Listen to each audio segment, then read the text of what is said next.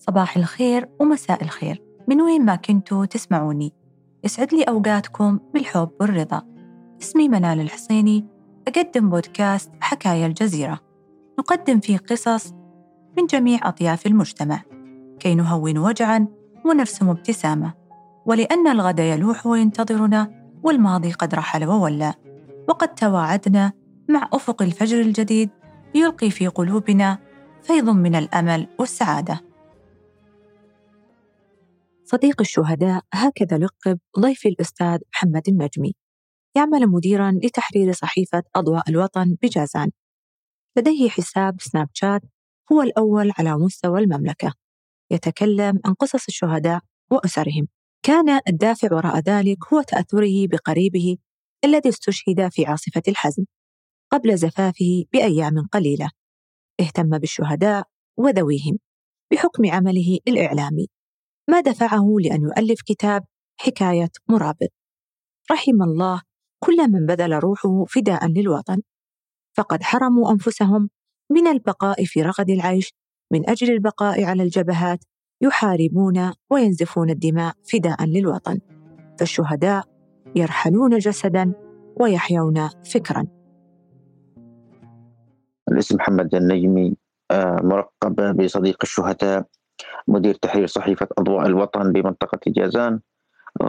لقبت بصديق الشهداء لأني عندي حساب سناب شات على مستوى المملكة. يعتبر الأول يتكلم عن قصص الشهداء. آه، لدي كتاب حكاية مرابط وأنا من آه، سفراء جيزان وأشكر هذا الحساب الجميل بمنطقة جيزان أنه اختارني أحد سفرائها. آه، نسأل الله التوفيق والسداد. طبعا قصص الشهداء كثيرة جدا. هناك أبطال قدموا أرواحهم فداء من أجل هذا الوطن قبل كل شيء الدين ثم المليك وهذا الوطن الشامخ.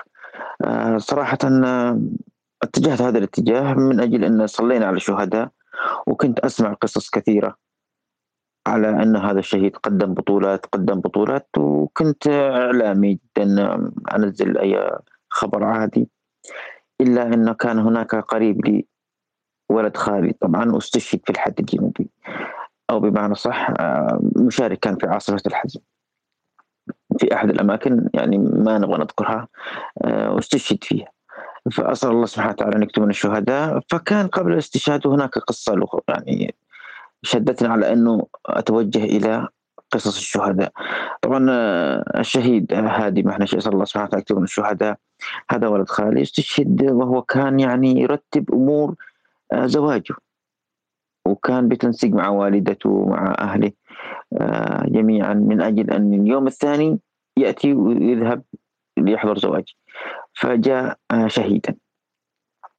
كانت هناك خلفه قصة عظيمة قصة فداء. نزل مكان أخيه أو بمعنى صح زميله في مقر العمل ومن ثم استشهد آه، مكان وكانت قصص عظيمة قصص كثيرة جدا. صراحة ما اتجهت لهذا المكان إلا من أجل أن يعني نصلي على شهيد ونحكي قصته. يعني يدفن جسد الشهيد ولكن تبقى قصته بكل فخر نحكيها. هؤلاء هم أبطال الحزم والعزم. يعني شعارهم يا النصر أو الشهادة. وما زال الوطن بخير والراية خفاقة. وحفظ الله قيادتنا الكريمة.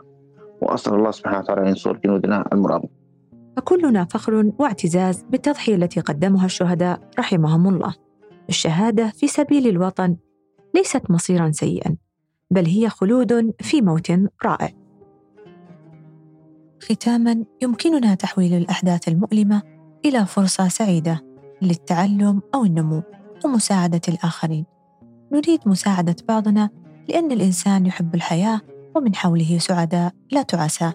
ودمتم بود.